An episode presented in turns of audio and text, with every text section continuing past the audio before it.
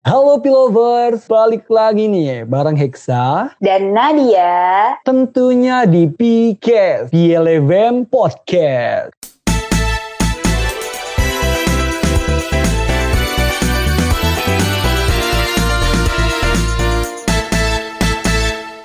Gimana nih Nat? Udah sekitar dua bulan kita nggak siaran nih ya. Pasti kita bakal kangen-kangenan nih. Sebelumnya gue mau nanya kabar dulu nih sama Nadia dulu nih. Nat gimana kabarnya Nat? Alhamdulillah kabar aku baik-baik aja Sisa. Kalau kamu sendiri gimana? Alhamdulillah baik. Nah kalau Pilovers nih gimana kabarnya? Baik-baik aja kan? Yang pasti makan Nat kayaknya mah Pilover ini. Iya, di masa pandemi kayak gini, kita tuh harus menjaga kesehatan agar tubuh kita selalu fit. Mm -mm.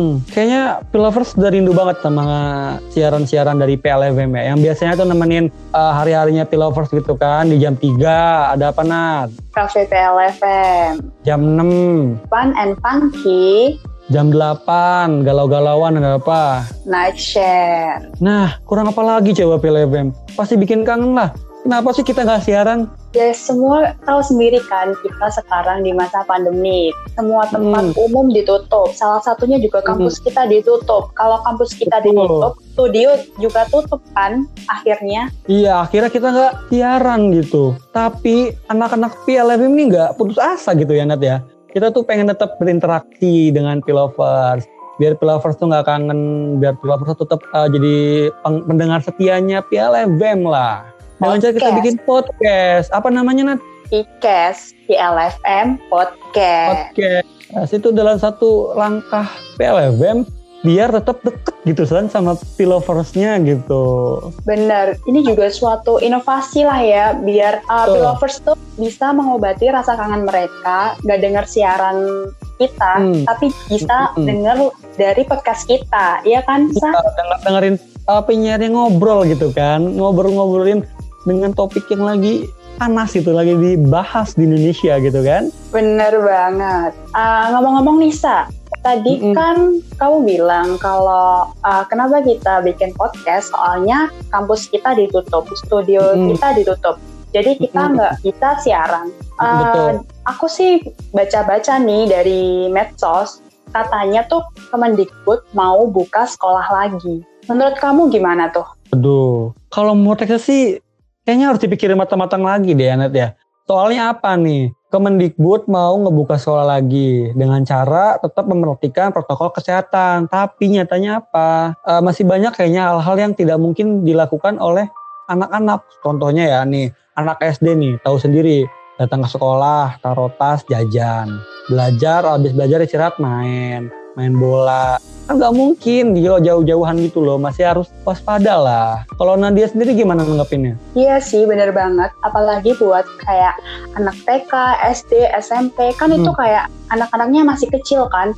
Dan kita kan emang manusia uh, sosial yang artinya kita harus bersosialisasi sama yang lain kan kayak nggak mungkin kan walaupun kita di dalam suatu uh, tempat tuh misal di sekolah terus kita betul. kayak nggak ngobrol sama temen tuh kan kayak nggak mungkin banget ya, dan itu udah ya. jadi uh, salah satu aktivitas kita kalau kita ya, ngobrol sama ya. teman itu rutin gitu kalau nggak ngobrol kayaknya mulut tuh kering gitu ya jiwa-jiwa nah, iya. sosial sosialisasi kita tuh kayak aduh pengen ngobrol pengen ngobrol pengen gibah pengen gibah pengen bahas sesuatu gitu ya kalau misalkan dibatas-batasin gitu tetap gak nyaman ya iya sih makanya waktu aku deng baca dari berita itu sih aku kayak sempet ah yakin nih mau dibuka apakah mm -hmm. efektif nih kita buka sekolah di masa pandemi kayak gini betul gitu sih. kenapa sih harus ditutup dulu kalau menurut aku ya nih satu lagi nih kan di sekolah itu cuma ada guru kepala sekolah, penjaga sekolah, petugas kebersihan,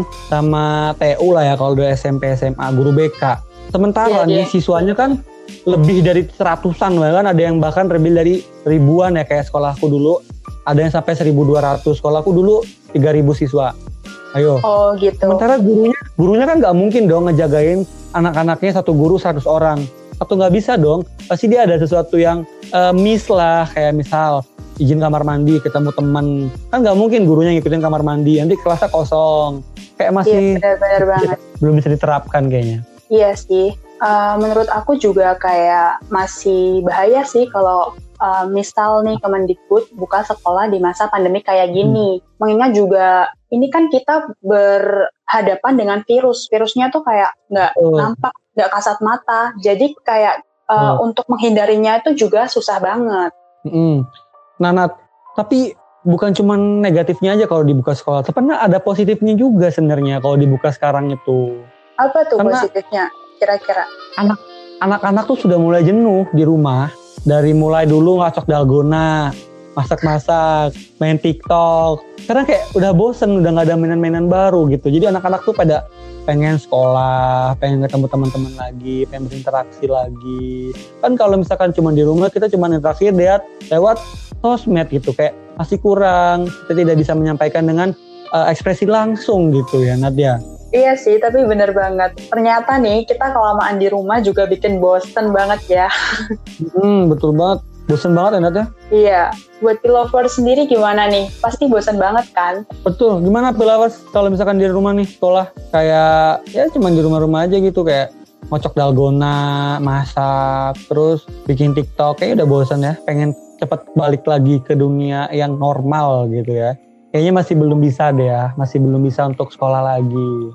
Ngomong-ngomongin yeah. sekolah nih, selama pandemi ini kan, sekolahnya kan online nih. Kalau Nadia yeah. sendiri nih, kuliahnya gimana ya? Enak gak sih kalau kuliah online tuh? Uh, kalau menurut aku sendiri ya, Sa, uh, hmm. kuliah online itu ada sisi positif sama negatifnya sih. Kayak ada kelebihan hmm. sama kekurangannya. Kalau kelebihannya sih ya praktis sih. Maksudnya kayak uh, bisa sambil tiduran. Aduh, iya bener banget bisa sambil tiduran, kayak kita bisa melakukan suatu aktivitas lain, kayak kita hmm. bisa melakukan dua aktivitas sekaligus walaupun sebenarnya sebenarnya nggak boleh ditiru sih. Tapi kayak lihat nyapu gitu loh sambil bantu orang tua gitu nah itu bener banget. Kita bisa sambil hmm. bantu orang tua terus kita juga bisa sambil belajar kayak gitu. Kalau negatifnya Jadi, sendiri kekurangannya itu kayak materi yang didapat tuh kayak susah kita tangkep waktu dosen ngejelasin nih misalnya kayak oh iya iya hmm. iya. Cuma gitu doang aja kayak nggak bener-bener masuk. materinya selesai lupa Bener banget. Aduh, pengalaman nih. Kalau Eksa sendiri uh, gimana nih? Kalau saya pastinya uh, ngerasa bosen ya karena cuman pakai Discord ya. Maaf ya sebut-sebut nih. Pakai Discord, pakai Zoom, pakai WhatsApp. Cuman kayak nggak bisa interaksi sama teman kita teman-teman gitu ya nggak bisa ngobrol yang biasanya tuh duduk biasa ngejelasin kita mah nulis sambil berbicara ngobrol-ngobrol sama teman-teman sebangku gitu kan. Ini udah nggak bisa lagi gitu. Kalau dari positifnya sih ya bener sih. Kita bisa ngelakuin dua hal positif. Selain kuliah kita bisa bantu-bantu. Kita kita bisa nyapu bisa ngajain aktivitas yang lain.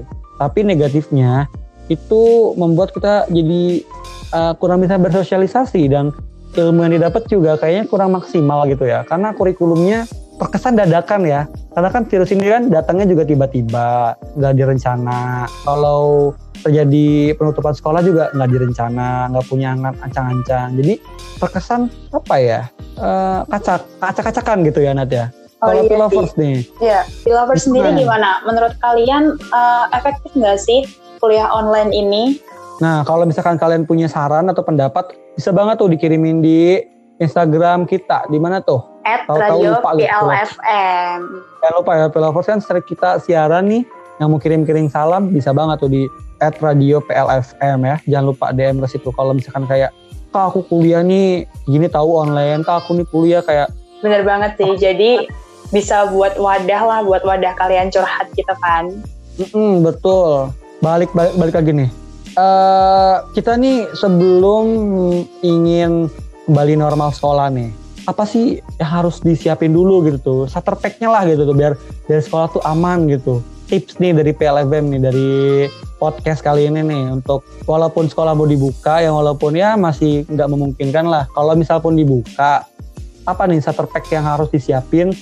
Pelajar biar aman di sekolah gitu nanti yang pertama adalah kalian harus mematuhi protokol kesehatan dari pemerintah Maksudnya hmm. kita harus menjaga jarak tuh, social distancing perlu banget. Karena kita hmm, kan nggak tahu kan, uh, kita bertemu dengan orang banyak dan kita nggak tahu kayak orang itu da dari mana, terus habis ngapain atau dan lain-lain. Kita kan nggak tahu. Nah, walaupun itu teman sendiri, kita tuh sebisa mungkin tetap harus jaga jarak, terus juga pakai masker, jaga jarak ya. kurangi interaksi dengan orang lain.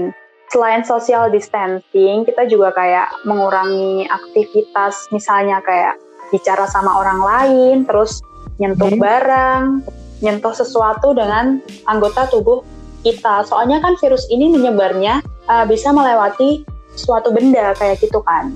Hmm, betul banget. Apa okay. aja yang harus disiapin pilovers kalau mau kembali ke sekolah? Yang pertama bawa masker. Yang kedua bawa hand sanitizer. Yang ketiga sabun cair yang sudah bisa injer. Yang keempat masker cadangan. Waktu-waktu maskernya kotor atau uh, jatuh atau kena tangan bagian dalamnya kan itu harus diganti ya biar selalu tetap bersih gitu ya Nat ya. Benar. Intinya sih untuk ke depannya kalau emang mau sekolah ini dibuka harus tetap menaati protokol kesehatan ya Nat ya. Benar-benar banget. Terus juga ya Sa, menurut aku sekolah hmm. baik online ataupun offline itu sebenarnya sama aja sih, tergantung kitanya sendiri. Toh juga belajar itu, hmm. eh, maksudnya sekolah itu kan kita sama-sama belajar. Belajar itu kan gak kita oh. dapat dari buku aja, kita juga dapat belajar Betul. dari sekitar. Nah, ada positifnya juga loh kayak di rumah aja. Kita harusnya bisa mencapai goals-goals yang belum kita capai sebelumnya. Contoh nih, ah tahun depan mau bikin buku. Nah, kebetulan nih lagi kayak gini kosong bikin buku, ngetik-ngetik. Ah pengen belajar desain deh di rumah lagi kosong kan belajar desain. Ah lagi pengen ini deh apa bikin-bikin film. Bisa banget tuh bikin film, belajar-belajar ngedit, bikin YouTube, bikin konten. Iya, jadi kalian maksimalin waktu luang kalian itu dengan hal-hal yang positif. Betul. Jangan jangan di rumah ya di rumah aja diem, yang nggak ada aktivitas, nggak ada ada produktivitasnya gitu loh. Nah bener produktif. banget. Wah udah nggak kerasa nih. Kita udah berapa lama nih sah? Kita ngomong terus sampai lupa waktu. Nggak tahu pokoknya mah untuk pilovers mah apa sih yang enggak gitu kan kita ngobrol lama-lama juga. Oh pokoknya untuk menghibur pilovers dan pilovers juga mendapatkan manfaat dari podcastnya. Bener banget. Kayaknya itu aja deh yang kita bakal bahas di podcast kali ini. Aku Nadia. Aku Hexa. Pamit undur diri. Stay tune terus ya. See you next See time. You. Bye. Bye.